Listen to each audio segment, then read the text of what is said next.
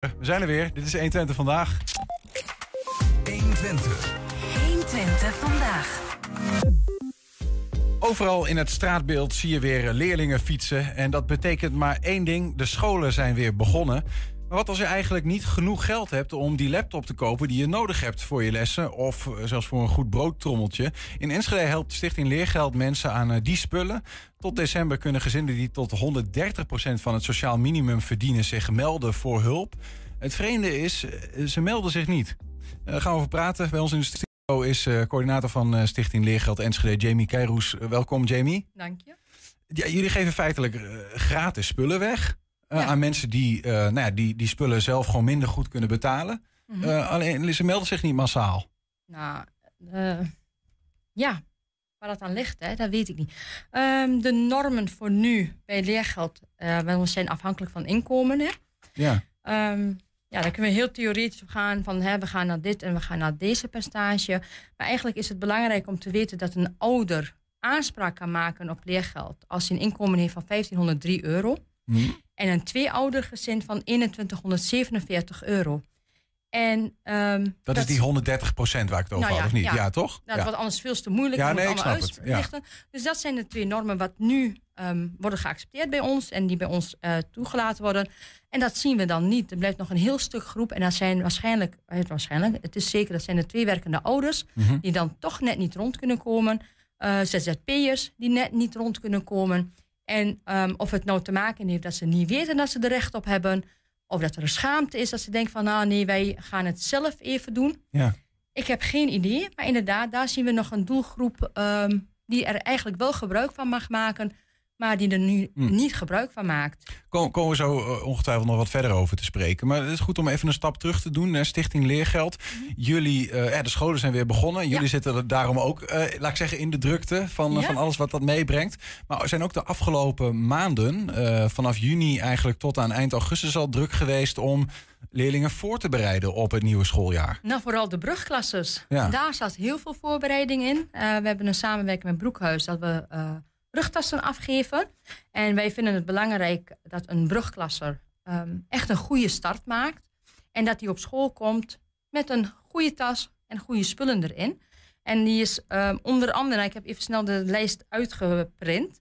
Nou, in de brugtas zit een rugtas, een rekenmachientje, een geodriehoeken, passer, post-it, gum, puntenslijper, eh, doosjes met vier potloden, Big Pen eh, blauw, een Big Pen zwart, kleurpotloden, set highlighters, etui down under, broodtrommel van Meerpal, drinkbeker van Meerpal, pakketschriften. Eh, nou, er staat lijn twee keer en pakketschriften ruit één keer. Kafpapier drie rollen uit te zoeken zelf in de winkel mogen ze zelf Als u doen. bingo hebt, mag u het zeggen. Ja, hè? maar, het is wel een hele volle pakket waarin de kinderen zelf een keuze mogen maken bij Broekhuis. Het is niet een, eh, eh, dat ze dan anders aankomen op school als andere kinderen. Mhm. Ze hebben hetzelfde soort tassen, hetzelfde soort agenda's. De kafpapier komt overeen en daar mogen ze een keuze van maken. Ja. Of uitmaken. En, maar dat, dat is dit jaar wel iets anders gegaan dan voorgaande jaren, geloof ja, ik. voorgaande jaren was er dan een specifieke dagen waar ze dan eh, de tassen op konden halen. En daar kregen wij dan een terugkoppeling van. "Goh, weet je, dat is best wel vervelend. want We staan in een rij en dan weten mensen ons precies eruit te halen van. "Goh, die zijn van. Ja, ja, daar heb je die rij van eh, Daar heb je ze, daar die staan dat zelf ze niet weer. kunnen betalen. Precies. Ja. En daar is over gebrainstormd. En toen hebben we dus gezegd van, nou ja, weet je, de afgifte werd gedaan op 12 juli. Hm. En we hebben de lijn doorgetrokken tot 30 augustus. Tot eind augustus, voordat de scholen gingen beginnen, ja, voordat ze begonnen, eh, konden de mensen zelf naar Broekhuis heen gaan. En hoefden alleen maar hun leergeldnummer dan door te geven. Mhm. En dan kregen ze de tas mee. Ja. En dat konden ze op hun eigen tijd doen. Dus dan zaten ze niet vast aan een vast tijd. En zo was er ook geen rij waarvan dan een vinger gewezen kon worden van... hé, hey, nou, die horen bij leergeld, die kunnen het zelf niet bekostigen. Ja, ja. En dit- gaat dan om eh, brugklasses. Hè? Die hebben Ja. natuurlijk weer andere noden in die zin. Hè? Je zegt al kafpapier. Ik herinner Ja. me nog levendig Ja. dat je naar de middelbare school Heel ging en dat je boeken moest kaften. Verschrikkelijk. Maar goed, het was nodig. Ehm, maar jullie helpen ook kinderen op de, op de basisschool. Welke, in welke klassen ko- komen jullie eigenlijk in beeld? Nou, wij komen vrij snel in beeld. Dat is al eigenlijk in groep 1. En in, groep 1 krijgen ze bijvoorbeeld nu het eerste tasje al aangeboden. Gevuld met een broodrommeltje en een drinkbekertje. In groep 5 krijgen ze weer een rugtasje aangeboden. Broodrommeltje, drinkbekertje en gymkleding zitten er dan bij in. En in feite ehm, krijgen ze ook fiets. Kunnen ze aanspraak maken op een fiets. Ons advies is daarin om te kijken, want heel vaak dan heb je al een heel klein fietsje. Dan zeggen we, nou, als je je kunt redden met je eigen fiets, moet je dat vooral niet doen. Wacht er heel even mee tot de eerste groeispurten Ja, zijn. ja, ja, Want je mag er maar twee keer gebruik van maken op de basisschool. En als je bijvoorbeeld in groep 7 een fiets hebt aangevraagd. en in groep 8 of in de brugklas is dat nog niet nodig. doe het lekker niet. Wacht heel even tot je kind de laatste spurt heeft gehad. Want in het eh, voortgezet onderwijs mogen ze nog een keer een fiets eh, eh, aanvragen. Ja, zie je, anders heb je zo'n slungel op Nee, zo'n kleine kinderfiets. Ja, dat, werkt er ook niet uit. Dus Nee. gewoon lekker even wachten. Ja. Eh, Het aanbod is er brugklas, of tenminste in het voortgezet onderwijs, één fiets. De basisschool twee fietsen. En daar kunnen ze gebruik van maken. En in de, in de volle breedte, hè? Stichting Leergeld Enschede. eh, Dat, jullie helpen dus kinderen op de basisschool, ook op de middelbare school, vooral aan het begin. Ja. Eh, hoeveel eh, leerlingen, hoeveel kinderen maken gebruik van jullie diensten in de stad? Heb je dat? Nou, dat heb ik wel, maar dan moet ik heel even naar mijn telefoon. Ja, de, we pakken gewoon even de telefoon erbij. Pakken we gewoon even de telefoon erbij. Ik heb het niet helemaal in visie. Dat ben ik dus vergeten even Ja, te zoeken nee, naar Niels. eh, geen probleem. Maar dan koppel ik wel weer terug naar jou. Maar ik weet wel dat de aanvragen wel meer en meer en meer worden. We kunnen het ook doen met een orde grootte. Ik weet niet, zijn het er duizenden? Zijn het er, ik, heb geen, ik heb daar helemaal geen, Geen eh, inzicht van, hè? geen beeld bij. Nee, nou ja, het is toevallig dat mijn collega Carmen vanmorgen een complimentje teruggaf. En dacht ik van, oh ja, dat zie ik dan. Ehm, nou 3040. Maar hou me dat niet, eh pin me daar niet helemaal vast. Maar het zit dus wel in de duizenden dat er unieke kinderen en aanmeldingen komen. 3040 kinderen in Enschede die daar die, die, die hulp van jullie eh, gebruiken. En dus ook nog een deel waarvan jullie zeggen... Nou ja, daar hebben we niet. nu ook gewoon ruimte voor. Maar die, nou ja, die hebben zich nog niet eh, gemeld. Eh, ik, ik ben zo ook wel benieuwd hoe dat, hoe dat dan werkt. Hè? Van hoe Mhm. komen mensen dan eigenlijk bij jullie terecht?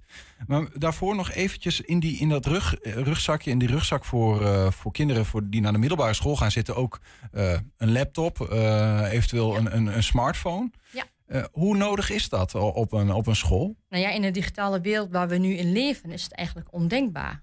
Ondenkbaar dat je naar school heen gaat waar op al je lessen op een laptop staan of op een smartphone staan of op een Chromebook staan, noem het maar op. Het is gewoon een digitale wereld en zonder dat kom je niet meer mee. Ja. En dan ontwikkel je eigenlijk praktisch al bij het begin een achterstand. Ja, al, al een achterstand in informatie. Heb je geen smartphone, is er geen groepsapp aangemaakt, of tenminste jij zit er niet bij omdat je geen telefoon hebt, ja, daar wordt informatie op gedeeld. En we weten ook wel, er wordt ook heel veel gerommeld en gehoord op die dingen. Hoort er ook bij als je een brugpieper bent of als je jongere bent. Maar er wordt ook wel degelijk belangrijke informatie gedeeld. En dat mis je dan. Ja, ja. Dus je hebt constant een 1-0 achterstand op feiten. ja. En dat willen we natuurlijk niet. Maar En- je zegt dus ook van. Ook dat, dat, dat, dat aanrommelen, of bijvoorbeeld op een laptop. Hè. Ik kan me voorstellen dat leerlingen aan het gamen zijn of wat dan ook. Zitten geen beperkingen op. Het is gewoon van je krijgt een laptop en. Nou, het is niet de bedoeling dat als ze bij ons een, eh, een, een laptop zouden krijgen, dat we dan ook allemaal restricties erop gaan zetten. Want dat heeft een ander kind natuurlijk ook niet. Mm. Als een kind van een ouder een eh, laptop krijgt, ja, nou, de ene krijgt deze restrictie, de andere die. Dat is aan de ouder zelf. En dat is natuurlijk bij ons net zo. Ja. Als een kind een laptop van ons krijgt, is het aan die ouder om te zeggen: daar mag je wel op en daar mag je niet op. En dat komt dan niet van ons uit. Ja. Voor ons is het belangrijkste dat het kind mee kan komen en mee kan doen. En als dan een vereiste is dat zo'n laptop aanwezig is, hè, dat hij zijn schoolwerk kan doen, het jongeren, dan is, dat, ja, dan is dat onze prioriteit. Je brengt de leerling eigenlijk op hetzelfde niveau als daar waar een ander zit die de laptop zelf eh, van huis uit heeft kunnen eh, betalen. Ja. En voor de rest zit daar geen, eh, geen Nee. enkele andere restrictie of wat dan ook op. Nee.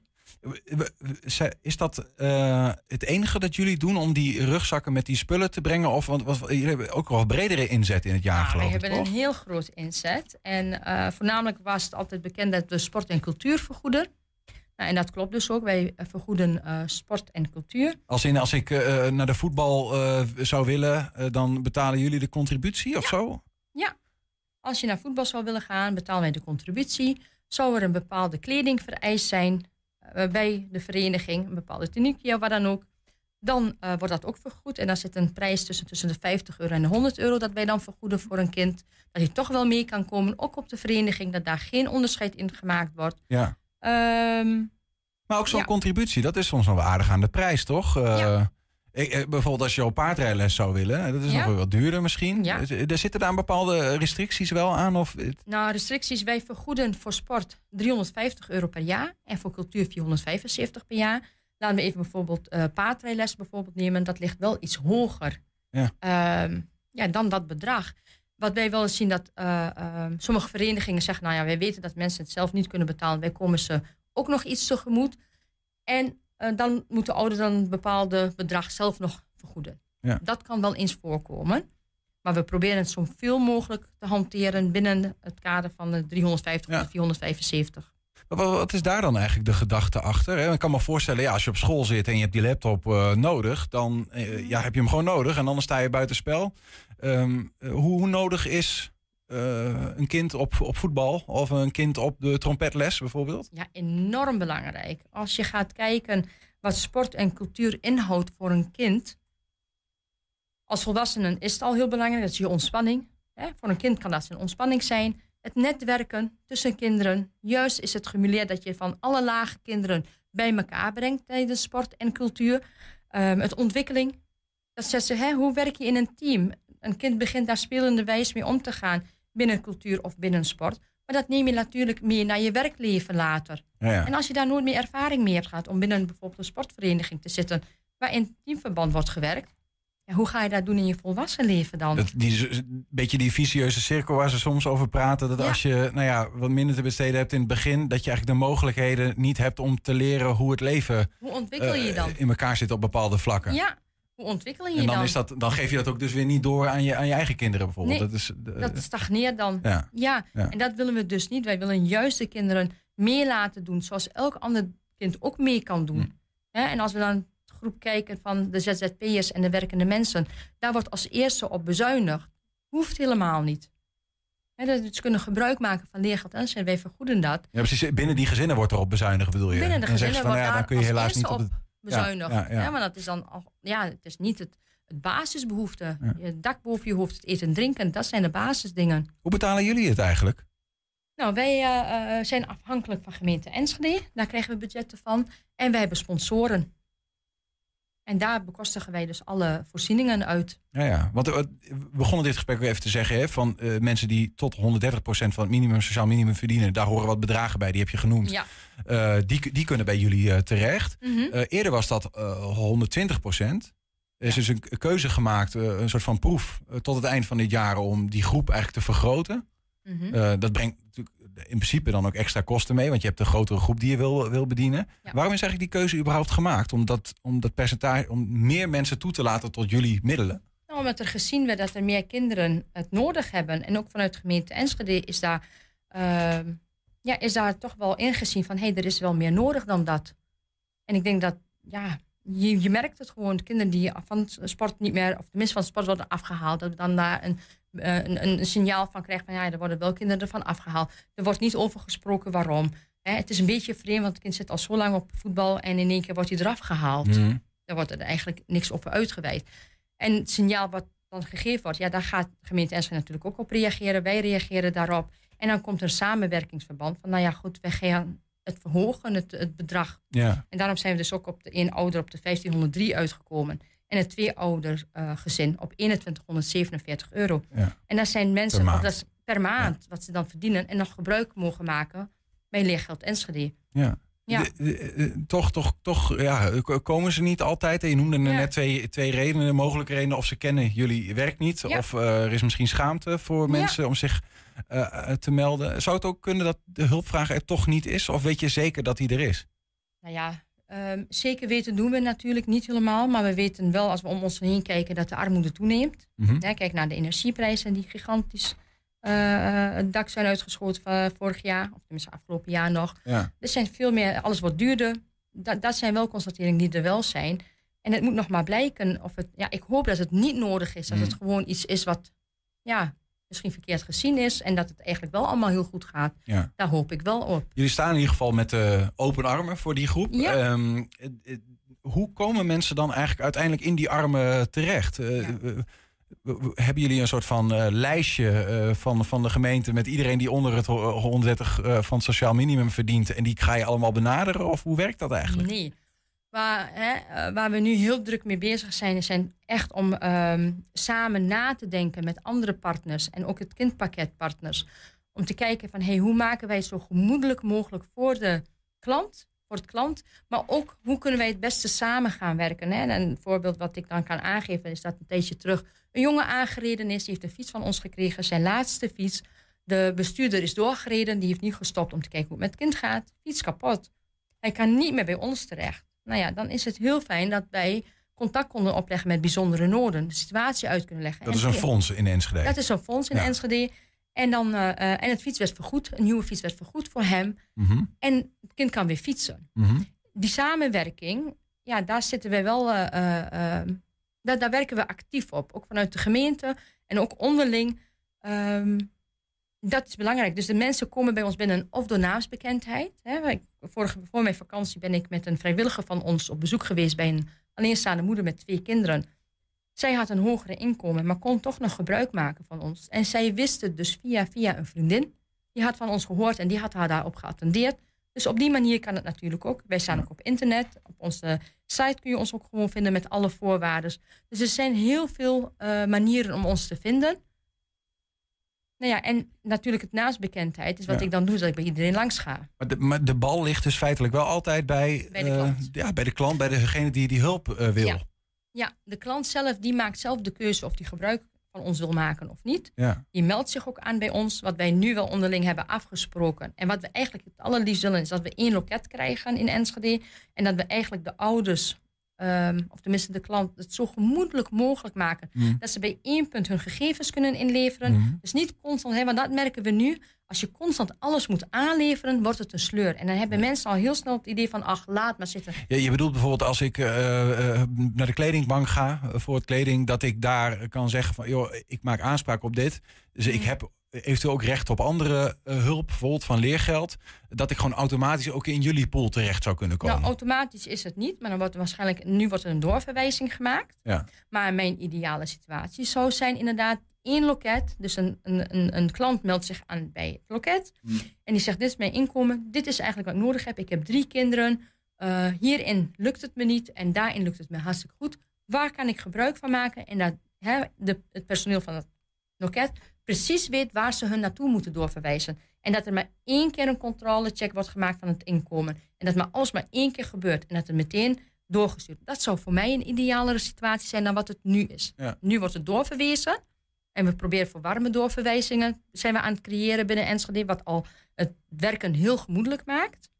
Maar het kan altijd nog wel iets weten, inderdaad. Waarom is dat eigenlijk eh, zo, dat dat, dat, dat, dat niet eh, automatisch eh, gaat? Ik kan me zo voorstellen Ja. dat er is een instantie in Nederland die weet hoeveel we verdienen, ongeveer. Hè? Eh, ehm, da- dat je gewoon zou zeggen, hey, jij verdient zoveel geld dat je recht hebt op, op hulp. Dus, dus, dus hier, eh, hier, hier is de hulp. Dat gaat gewoon auto Waarom gaat dat niet automatisch eigenlijk? Het privacybeleid, wij zitten met een AVG natuurlijk ook nog. Ja. En je mag niet zomaar de informatie van iedereen delen. En ik, het is ook niet zo dat ik zo achter mijn computer kan zitten en denken van... hé, hey, eh, wat verdient Niels? Laat ik eens even kijken. Oh, Niels heeft daar en daar recht op. Ja. Laat ik hem maar even aanspreken. Ja, dus jullie gewoon moeten niet. gewoon overal hard aan de deur rammelen van hé, hey, hier zijn we. En, Flink eh, rammelen. ja. Ja, en dan hopen dat de signalen telkens duidelijker worden.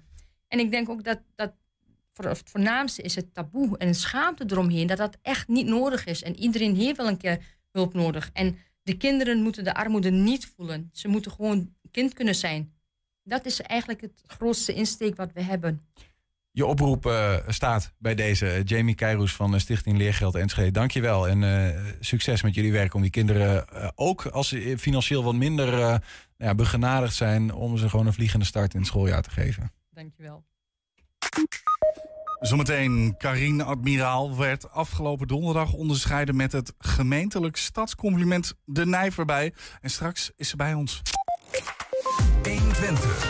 120 vandaag. En na drie edities de duiten op zak houden, was het eindelijk zover.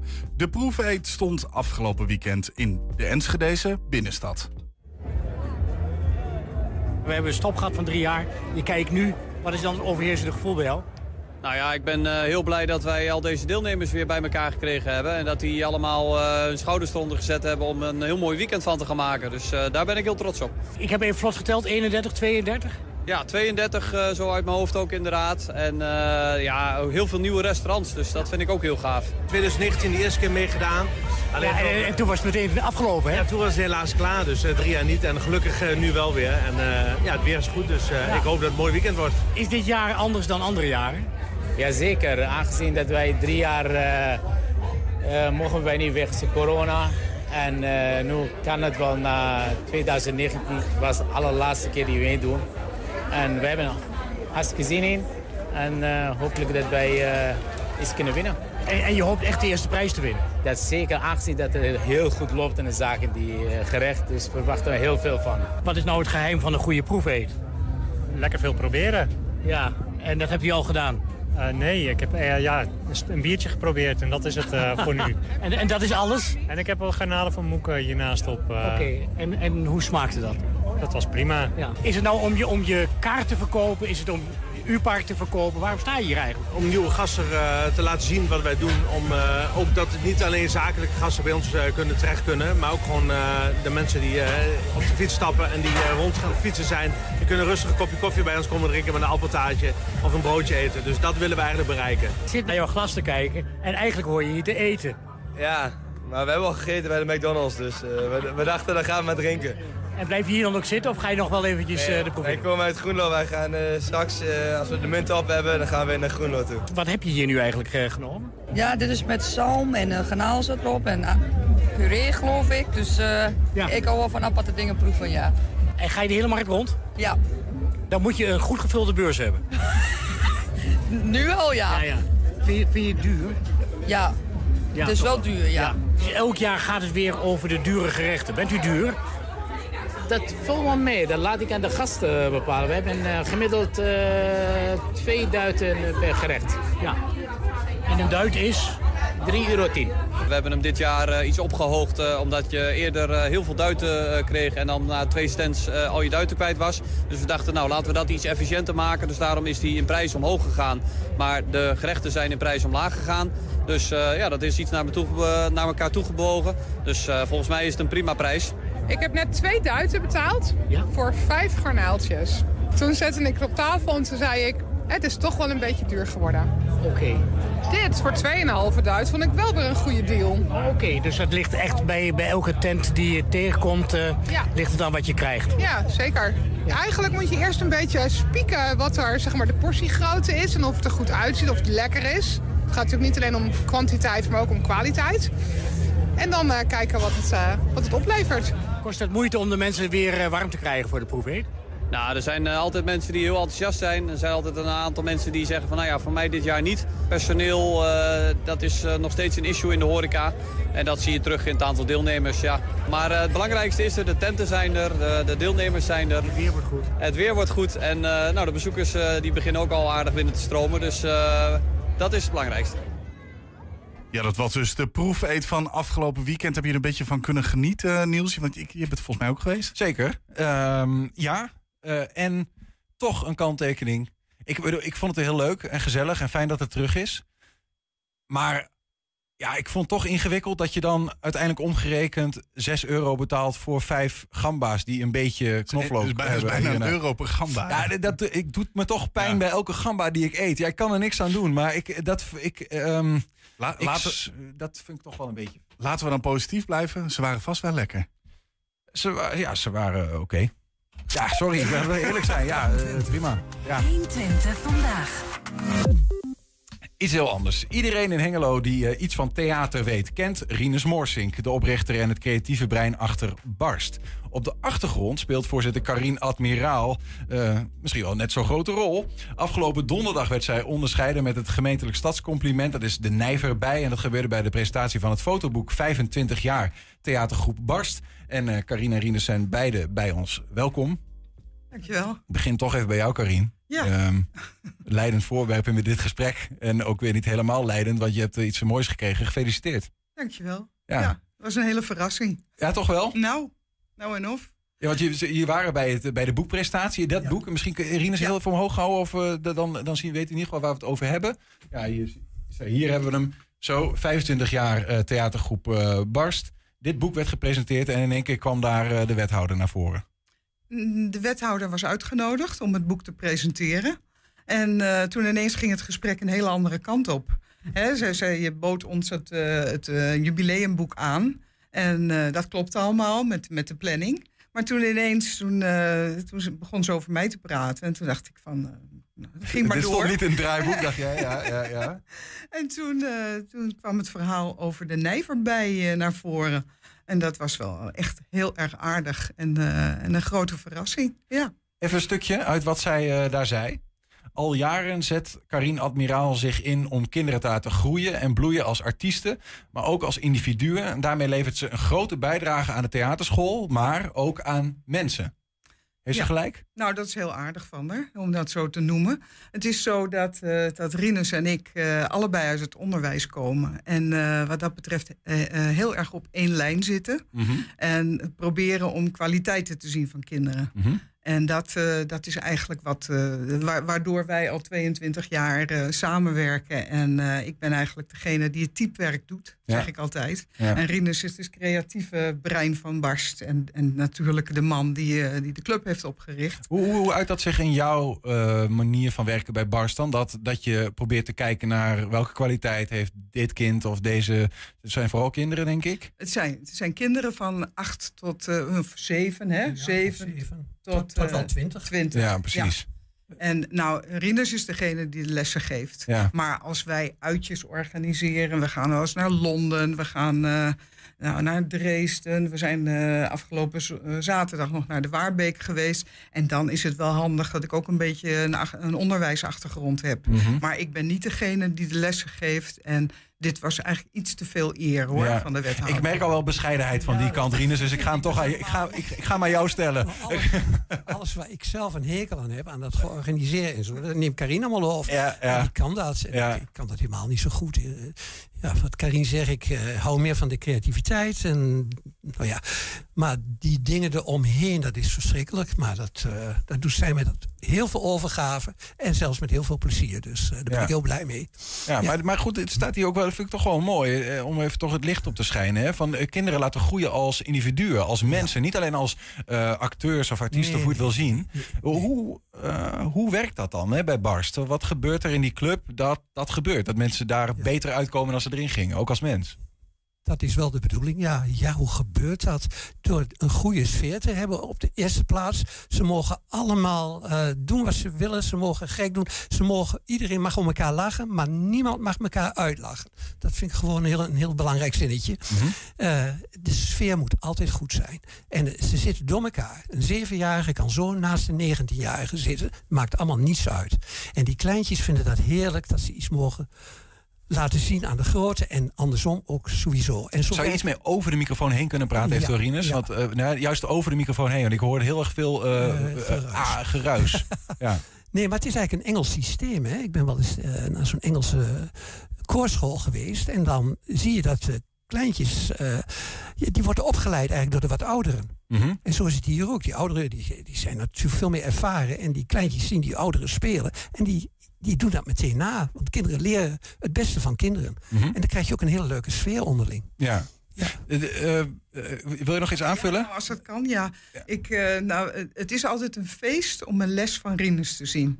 Het is namelijk zo dat hij eh, altijd de kinderen in hun waarde laat. Ieder kind is even belangrijk. Mhm. En dat, dat spreekt mij zo aan bij Bars. Daarom ben ik er ook al zo lang bij. Mhm. Dat eh, een kind dat heel veel talent heeft op in zingen of acteren... die is net zo belangrijk als een kind dat een klein rolletje heeft in een musical bijvoorbeeld. En dat voelen ze ook zo. En dat is, vind ik dus echt fantastisch. Ja, zelfvertrouwen is ja, eh, kijk, en het is een, beetje een cliché, een cliché geworden om te zeggen... je moet mensen, eh, de kwaliteiten van mensen zien. Maar bij ons is dat echt zo. Ja. Weet je? Eh, Rinus ziet altijd de kwaliteiten in kinderen. Kinderen die heel lastig op school zijn en bij, en bij barst komen... Die, worden toch, die, die, die bloeien op. En dat is nou ja, zo bijzonder. En dat is dus al met duizenden kinderen in de afgelopen 25 jaar. Duizenden. Ja. En je was ook zelf vanaf het begin bij? Ja, ik, ik heb eh, Barst eh, voor het eerst gezien in het Expo Center in Hengelo. Toen hadden ze daar een optreden, 22 jaar geleden. Ja. En toen was ik daar met mijn kinderen. En mijn kinderen waren 9 en 5. En eh, ik dacht, nou wat is dit fantastisch zeg. En eh, nou, toen ben ik even een praatje gaan maken. En toen, toen merkte ik al hoe de gedrevenheid was en hoe de sfeer was onderling. Nou ja, toen is mijn oudste zoon erbij gekomen. En die, die is een aantal jaren heeft hij les gehad. En toen ben ik gevraagd voor het bestuur. En ik ben nooit meer weggegaan. Dus en nu ben ik al heel lang. eh, Dat is al eh, heel lang. Ja, ja, ja. lang. Nou ja, daar, daar kreeg je dus ook dat, dat st- stadscompliment voor. Wat is dat eigenlijk precies? Want je hebt, je hebt een, eh, op. dat is echt letterlijk een, een bij. Je hebt ook nog een oorkonde meegenomen. Misschien kun je die nog even eh, het ten tonele brengen. Ja, precies. Hier zien we dan ook eventjes bij deze. Op 31 augustus 2023 heeft wethouder Marie C. Luttekholt het standscompliment de Nijverbij uitgereikt aan Karin Admiraal. Eh, die, die gaat aan de muur. Die staat eh, op een tafeltje. Die staat op een tafel. Ja, maar misschien gaat hij nog aan de muur. Het zou kunnen. Ken, kende je eh, de, de, de, de, het stadscompliment? Kende jij de Nijverbij? Nou, voordat je hem kreeg? goed hoor. Ik, wist, ik, ik hou me daar niet zo mee bezig, moet ik eerlijk gezegd zeggen. Maar ik, ja, toen ik het hoorde, dacht ik... oh ja, ik heb daar wel eens iets van gelezen, ja. Ja, ja. En, en toen bleek ineens dat het iets heel bijzonders was. En dat heb ik nu ook wel begrepen. Want ik word aan alle kanten gefeliciteerd. en ook van mensen waar, die dat dan gelezen hebben in Tubantia of zo. Weet je wel. ja, oeps. Maar, ja, maar zit er ook... eh, Want volgens- jij, jij bent niet, zelf geen Hengeloze, of wel? Nou, eh, origine, eh, ik kom eigenlijk uit Amsterdam. Maar ik heb 40 jaar in Hengelo gewoond. Oh, toch nog wel? En toen ben ik zes jaar naar Apeldoorn gegaan. En nu ben ik weer terug in Twente. Nou woon ik in Enschede. Ja, precies, ja. ja, ja. Maar, ik, eh, maar eigenlijk heb ik wel de langste tijd in, eh, in Hengelo gewoond. Rinus, eh, enige jaloezie bij jou ook? Dat zij Ja. er een even bij krijgt? Eerlijk antwoorden. Nou, heel eerlijk, ik gun haar wel zo erg. Maar ik wist het al stiekem, want de wethouder belde mij op. Wat is haar geboortedatum? Ik denk, oh, daar- daar gebeurt iets. Want waarom moet ze haar- haar geboortedatum weten? Dus ik had er wel een vermoeden dat er wat kwam op die eh, presentatie. Ja. Maar nee, dat is, is geweldig. Dik en dubbel verdiend. onderscheiding, hè? Ja, ja. Dus dat is nog net een ietsje hoger. Nee, dat is een opstapje naar dit. Oh ja, nee, dat is wat jij ooit zelf kreeg ook, Rinus. Ja, ja, ja, ze, ze mogen jou nog bellen voor de Nijverbij. ja, ja. Eh, ehm, duizenden mensen die dus door, of de kinderen die door, door Bars zeg maar eh, eh, groot zijn gebracht, hè, komen die allemaal uit Hengelo of is dat, is dat een, een best wel gemêleerd gezelschap? Een streekschool. We hebben zelfs een tijd geleden nog een meisje uit Duitsland helemaal gehad. Die woonde in Bad Bentheim. En van Rijssen uit. eh Olivier, die vast wel bekend. Die komt uit Rijssen. eh, Die zit, eh, is ook nog trouwlid. Eh, ja, van alle kanten. Dat- Delden, Boyne, overal komen ze vandaan. Maar ik bedoel, is dat, is, is dat dan, eh, heeft dat, omdat, omdat Barst iets unieks heeft, waar sommige eh, kinderen, mensen naar op zoek zijn? Of, of, wel, ja, dat weet ik de- zelf. Nou, Ja. het is absoluut uniek. Want wij hebben een, een team van medewerkers. En dat zijn mensen die, die Rinus al zo ontzettend lang kennen. Mhm. En nog steeds actief zijn bij Barst. En hoe komt dat dan? Ja. Hoe komt dat dan? Dat komt omdat dit zo'n eh, een, een club is waar, waar zo'n goede sfeer eh, hangt. En eh, ik ben net nog even bij Floris Lof geweest van Radish Concepts. En die heeft bijvoorbeeld voor ons een hele website gebouwd. Weet je? En dat Gewoon biedt hij dan zo. aan. En waarom? Omdat hij ook zoveel waardering heeft voor de manier waarop zijn zoon les krijgt. Hmm. En zijn zoon kan opbloeien. Nou, dat geldt voor heel erg veel mensen. Dus Ja. uniek is het zeker. Ja. Ja, en we hebben natuurlijk wel een beetje naam gemaakt bij de opera. Hè. We hebben, nou, ik denk wel zo'n twintig jaar lang ook bij de opera gezongen als kinderkoor. Dat is nu allemaal veranderd, want ze hebben nu een eigen kinderkoor. Maar daarvoor hebben wij in alle producties een beetje meer Nou ja. gedaan. In elke operaproductie zit wel eens een kind of een kinderkoor. Het is wel een, een gevestigde naam, eh, zeker in Hengelo en, en ook daarbuiten blijkbaar voor, eh, voor, voor, voor zeker bepaalde groepen. Eh, dit, dit boek was overigens de reden. Hè? De, vertel je al dat jullie eigenlijk samenkwamen. De Nijverbij was een hele prettige bijkomstigheid wat dat betreft. Ja. Eh, ehm, wat, wat is dit voor ja, 25 jaar? Wat, wat vinden we in dit boek? Wat wij in 25 jaar gedaan hebben, daar komt het kort op neer. Ja. Het begon allemaal als een kinderkoor. Ik had een behoorlijk groot koor in Hengelo. Eerst een jongenskoor, toen een meisjeskoor. Toen heb ik dat samengevoegd. En toen werd de kerk opgeheven. En toen werd het het Stadskinderkoor Hengelo. En daar hebben we toen bij allerlei officiële gelegenheden hebben we gezongen met koning, koning Koninginnedag was dat nog. Eh, ja, als een, een kerstconcerten en noem maar op. En op een gegeven moment ben ik eh, een musical gaan instuderen. Dat was Oliver en dat was het begin. Eh, dus 25 jaar geleden van Bast. eh, 1998, onze Ja, ja. eerste voorstelling. En die wordt volgens mij eh, voor de gelegenheid eh, komt die opnieuw eh, tevoorschijn, Juist. of niet? Ja, en nu hebben we dus 25 jaar Bast. Eh, nou komt die musical er weer, weer voor de dag. Ja. In een ander vestje waarschijnlijk. Maar eh, goed, daar zijn we nou eh, flink mee begonnen.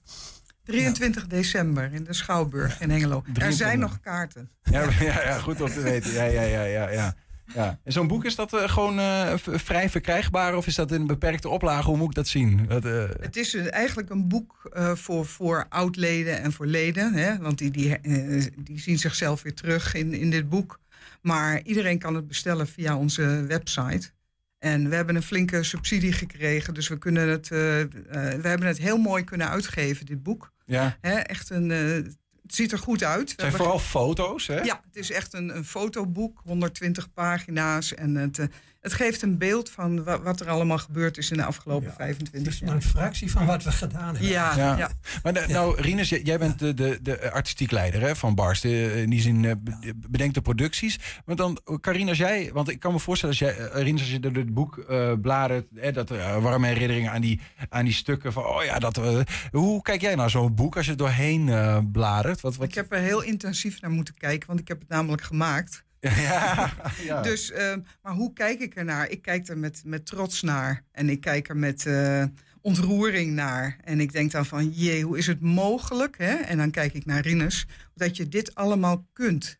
En dat je zoveel hebt... Ja, dat, Maar je doet het niet alleen. Hè? En eh, Ja. laten we de collega's niet vergeten. Ja. Eh, de ouderen, en dan bespreek ik rond, je- jongelui rond de 20. Mhm. eh, dat is, we hebben ook nog een apart groepje. Bas.2 heet het geloof ik. Hoe heet dat nou? 2.0. 2.0. Nou, onder leiding van Wido Platenkamp. En dan Rinse Poelstra geeft bij mij nou ook les. En dat, dat doen we zo'n beetje samen. Dus eh, die is er elke les bij. Dus, en, dus krijgen we alle eer nou, maar eh, het is Nou, ja. verdeelde eer hoor. Door, is doorgegeven. En eh, mooi dat jullie elkaar ook die ruimte zo geven. Het is wel, ik wilde nog vragen hoe gaat die samenwerking, maar volgens mij is dat wel helemaal duidelijk. En eh, vullen jullie elkaar organisatorisch en the- theatraal mooi aan. En geven jullie waar nodig elkaar de complimenten om, om door te kunnen gaan. En ik, hoop op nog veel meer jaren zoveel moois. Karine, nogmaals heel veel gefeliciteerd met je, met je stadscomplimenten Nijverbijen. Dank jullie voor jullie komst. En dan op naar de volgende 23 december, Oliver, Ja, in de Schouwburg in Hengelo. in de Schouwer in Ja, Hengelo. om Gaat dat drie zien? uur 's middags en om zeven uur 's avonds. Twee voorstellingen. Dank jullie wel. Ja, dankjewel hoor. Zometeen schakelen we met collega Ernst Bergboer. Die is bij de opening van het academisch schooljaar met demissionair minister Dijkgraaf. En we zijn ook als podcast te beluisteren via alle bekende platforms. Je vindt daar hele uitzendingen, die vind je op 120 vandaag. En je vindt iedere dag één item uitgelicht op 120 vandaag uitgelicht. 120. 120 vandaag. Ja, springen, swingen en klauteren in Enschede kan vanaf zondag niet alleen buiten of in gymzalen, maar ook in een speciaal daarvoor ingerichte freerun hal. In de Performance Factory is een ruimte van bijna 300 vierkante meter gevuld met obstakels. Na een heuse verbouwing waarbij ze alles zelf hebben gedaan, is het team van Flea Fashion Freerun klaar om sporters les aan te bieden. Nou, we zijn vandaag in de Elevation Academy en dat eh, is gevestigd in de Performance Factory in Enschede. En dit is eh, ons plekje waar wij freerunning gaan aanbieden. Freerunning, dat is ehm, heel simpel gezegd je eigen grenzen opzoeken en deze op een verantwoorde manier steeds meer gaan verleggen, zowel fysiek als mentaal.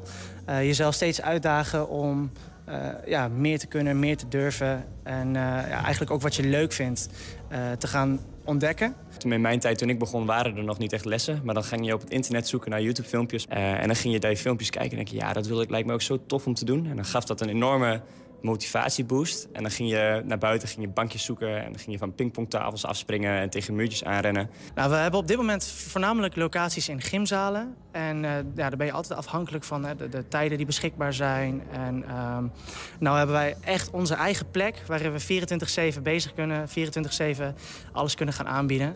En dat vinden wij wel ontzettend fijn. De eerste al in geheel Oost-Nederland. Ja, het is ook iets wat nog best wel opkomend is hier in het oosten.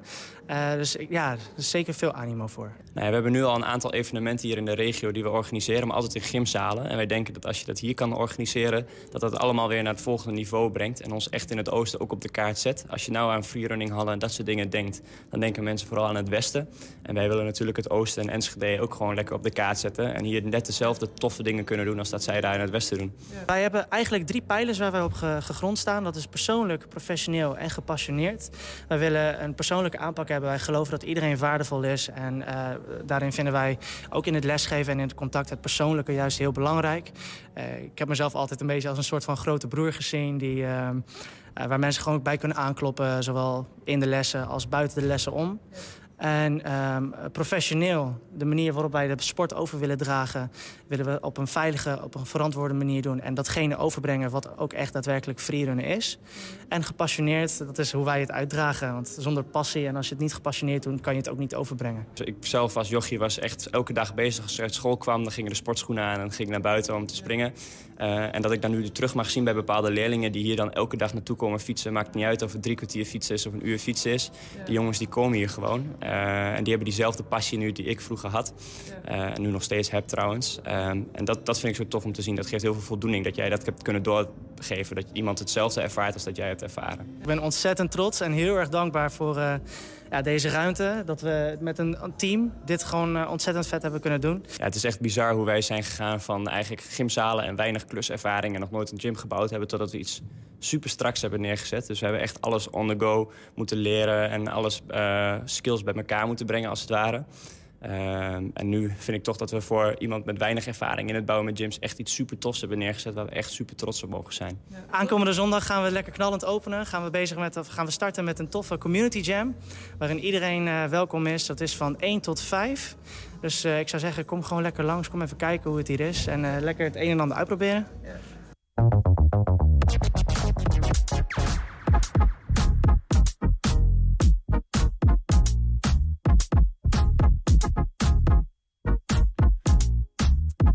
Ja. Ik, heb gehoord dat ze, ik heb gehoord dat ze jou ook gaan, uh, gaan inlijven. Ik wil je dat wel zien doen. Ja, wil je mij dit zien doen? Ja. Nou, ik denk dat ik daar best wel goed in ben. Ik denk dat het uh, uh, vrij, vrij veel comedie oplevert. Ik denk het ook. iets met een soort van carbonade die wordt uitgerold. Nou, nou, nou, nou, nou. Sorry, was het beledigend? ik zie jou na de uitzending nog wel even. 120. 120 vandaag. Scholen zijn weer begonnen, zeiden we al in het begin van dit, uh, dit uur. Maar ook de hogescholen en de universiteiten die, uh, maken zich uh, op voor een nieuw jaar. In Enschede is de opening van het academisch jaar zojuist verricht in de Wilming Theater door een eregast. En collega Ernst Bergboer is daar ook. Ernst, goedemiddag. Goedemiddag Niels. Wie, wie is de eregast? dat is onze minister van Onderwijs, Robert Dijkgraaf. Oh, dat is niet de minste. Nee, dat uh, veel hoger kan je niet vallen in dit land. Als, uh, op, hè, op, academisch. Ja. Uh, als, als, als het om onderwijs gaat. die heeft zojuist, nou ja, zojuist. Het was een programma van nou, ruim anderhalf uur. Het is net afgelopen. Misschien hoor je wat geroezemoes hm. op de achtergrond. het Wilming Theater zat vrijwel vol. Allemaal mensen in, nou ja, voor belangrijk deel, hè, de, hoge, de hoogleraren in, in toga en met een muts en heel veel mensen van wie ik niet weet wat het zijn. Want dat zijn gewoon burgers. Ja. Hè, dat is niet zo te zien. Uh, maar het is open, waar. open voor iedereen dan zo'n zo'n bijeenkomst? Nee, er, er, werd, er werden wel uh, er, er, er werden QR-codes gescand ja, ja, aan het begin. Ja, het is post-corona, dus dat waren ongetwijfeld toegangsbewijzen, denk ik. Ja. Maar wat heeft hij dan gedaan? Heeft hij op een, rode knop, ge, zoals dat wel vaker gaat met openingen, zo, zo nee, symbolisch, nee, nee, of wat, met een stok op de grond geslagen, zoals dat bij de universiteiten soms gaat? Ja, je zou dat soort symboliek toch een beetje dit was gewoon een programma uh, met toespraken. Eerst een toespraak van de directeur, zeg, de president van het bestuur van de Universiteit Twente. En vervolgens een toespraak van Robert Dijkgraaf met zijn visie op onderwijs. Um, nou ja, er werden, en, en daarna waren er wat uh, projecten, met name van de UT, uh, zeg maar, uh, onderzoeksprojecten die in het zonnetje werden gezet. Er werden wat prijzen uitgedeeld, dat soort dingen. Het duurde alles bij elkaar anderhalf uur, ruim. Ja, ja. Eerder vandaag sprak hij nog, uh, was hij nog naar Saxion geloof ik in Enschede. Hè? Daar heeft ja, hij nog klopt. wat uh, Pabo-studenten gesproken. Klopt, ja, daar ben ik niet bij geweest. Maar inderdaad, daar refereerde hij ook al aan in zijn toespraak. Uh, en ja, weet je, dat past ook heel erg. Dat is echt, dus, dat is dan wat inhoudelijker. Hij heeft het heel vaak over die waaier van, van onderwijs. Hè, waarin we niet meer spreken over hoog en laag. Maar waarin elk talent tot ontwikkeling moet kunnen komen. En elk talent eigenlijk nou ja, op dezelfde manier gewaardeerd zou moeten worden.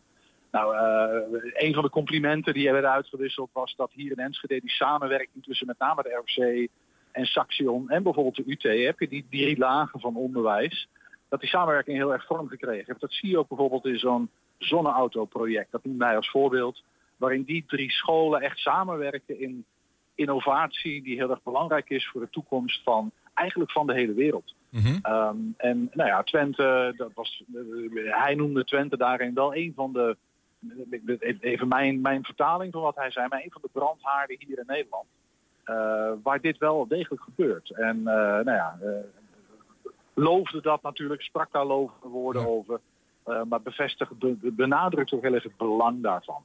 Is, is het nou uh, dat hij van alle steden die hij had kunnen kiezen uh, Enschede heeft gekozen? Of is het een soort van, uh, is hij als een soort van letterlijk reizende ster aan het, op allerlei universiteiten in, in steden en hogescholen, weet ik veel, het academisch schooljaar aan het openen? Ja, daar, daar, heeft hij zelf niets over gezegd. Er, werd ook, er, er werd überhaupt niks over gezegd. Dat is een van de vragen die ik hem heel graag zou willen stellen. Ik zie hier een auto gereed staan met een chauffeur erbij waarvan ik denk dat hij daar zo in gaat stappen. Daar sta jij voor. Elektrisch. en staat hem op te Heel goed. Ja. Ja, dus ik, ik, ik hoop dat ik hem die vraag met Robert nog kan stellen. Want dat, ik ben heel benieuwd ja, waarom, waarom hij hier is. Ik, ik kan het antwoord wel raden, denk ik. Maar nou, Dat eh, eh, houden, houden we nog te goed. Dus eh, hopelijk eh, krijg je hem nog ergens eh, te spreken. En dan, eh, dan zien we dat eh, later op onze kanalen nog wel ergens. Dank voor het bijpraten, Ernst. Alright Niels, fijne uitzending verder. Jo, doei doei. Hoi hoi. Heb je een tip voor de redactie? Mail dat dan eventjes naar redactie.120.nl 120. 120 vandaag. In, in Depot de komende tijd een aantal onderwerpen die volgens onze administratie nooit eerder zijn vertoond in dit programma. Of waarbij dat zo lang geleden is gebeurd dat het geen kwaad kan om eh, nog eens opnieuw voor het voetlicht eh, te brengen. Vandaag het allereerste onderwerp dat we in het depot vonden, namelijk hagelslag. In dit museum eh, bevindt zich een depot met honderdduizenden voorwerpen, letterlijk. De komende maanden gaan we bij een aantal van die voorwerpen het verhaal vertellen. Dus ik zou zeggen, loop mee, dit is de eerste aflevering. Ehm, ooit van hagelslag gehoord? Ongetwijfeld. Ik ben benieuwd of je straks nog steeds hetzelfde beeld hebt bij dat woord. Ehm, loop mee, we gaan kijken. Het eerste voorwerp, aflevering 1, hagelslag.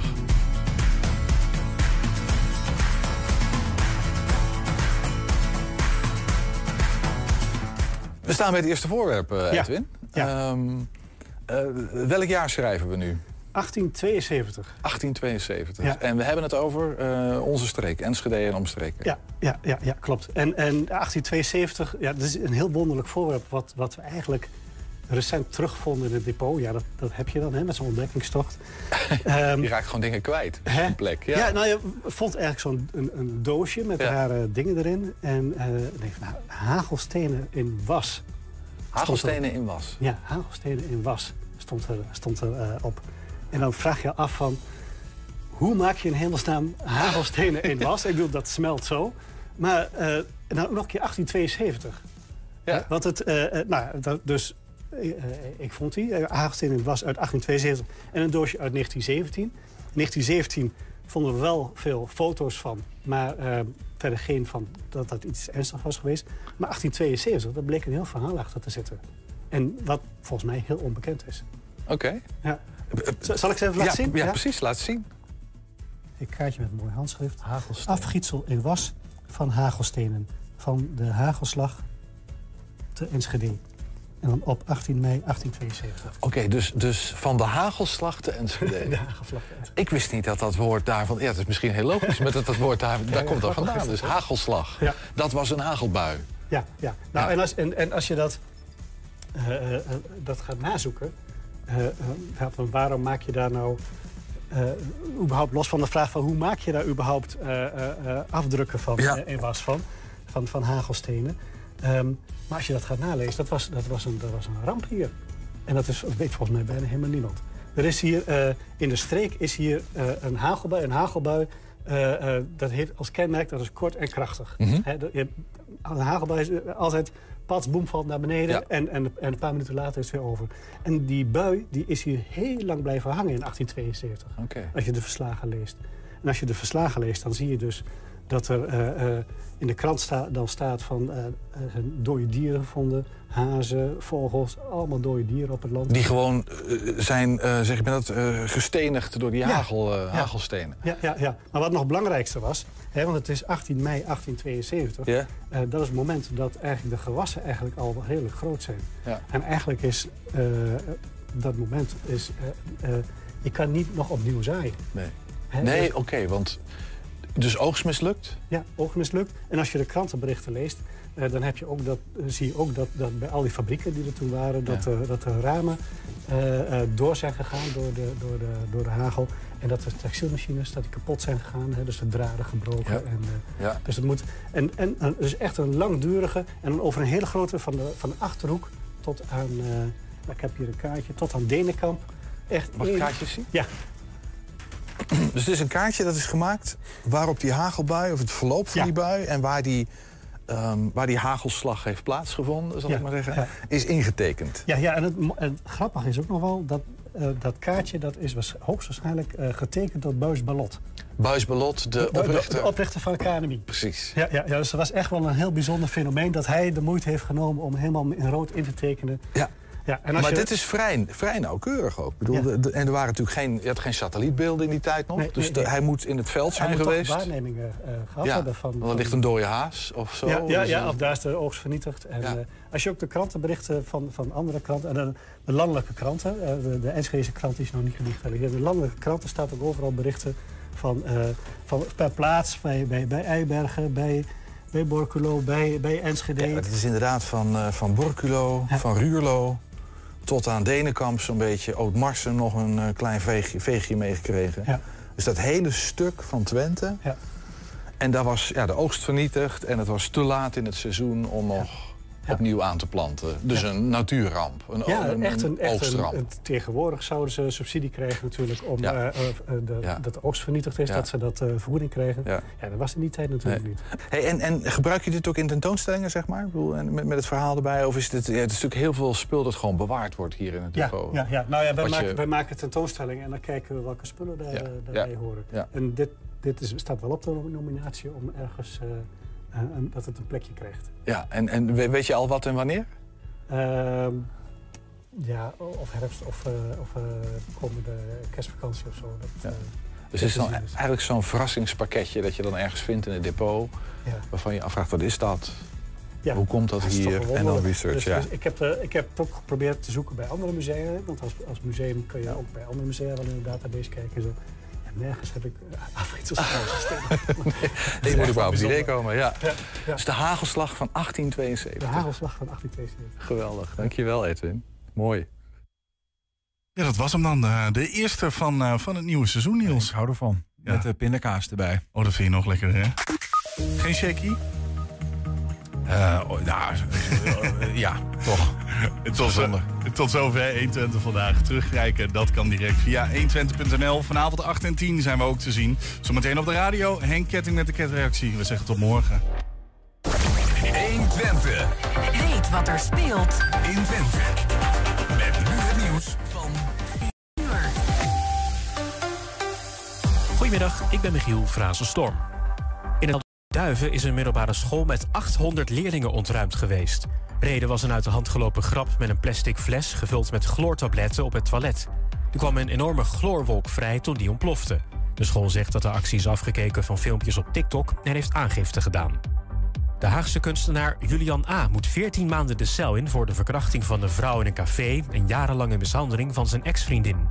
De zaak kwam aan het rollen door een artikel in NRC drie jaar geleden. Daarin beschuldigden zeker 20 vrouwen hem van verkrachting en aanranding. Bij een bakkerij in Delft is vannacht een explosief afgegaan. Binnen waren toen al mensen aan het werk. De politie noemt het een wonder dat er niemand gewond raakte. Wel is er veel schade. Bij een supermarkt ernaast werd even later een tweede explosief gevonden, een vuurwerkbom die nog niet was ontploft. En Jorginho Wijnaldum is opgedoken op het trainingsveld van Feyenoord. Hij treedt een weekje mee en zal verder niet in actie komen voor Feyenoord... waar hij ooit zijn carrière begon. Wijnaldum tekende afgelopen weekend een contract bij een club in Saoedi-Arabië. Hij wacht nu nog even tot al het papierwerk in orde is. Het weer van Weer Online. Zon en zomers warm. Vanavond en vannacht koelt het af naar tussen de 10 en 15 graden. Ook morgen zonnig en in het zuiden tropisch met 30 of 31 graden. En tot zover het ANP-nieuws. Thema beveiliging staat voor betrokkenheid, adequate optreden en betrouwbaarheid. Waar de concurrent stopt, gaat thema beveiliging net een stap verder. Thema Beveiliging levert alle vormen van beveiliging voor zowel de zakelijke als de particuliere markt.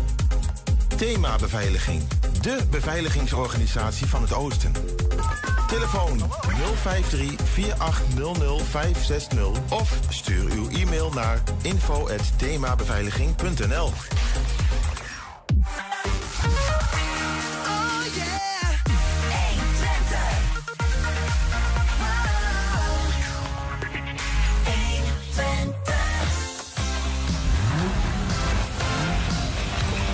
is de kernreactie. De hits van werk naar huis.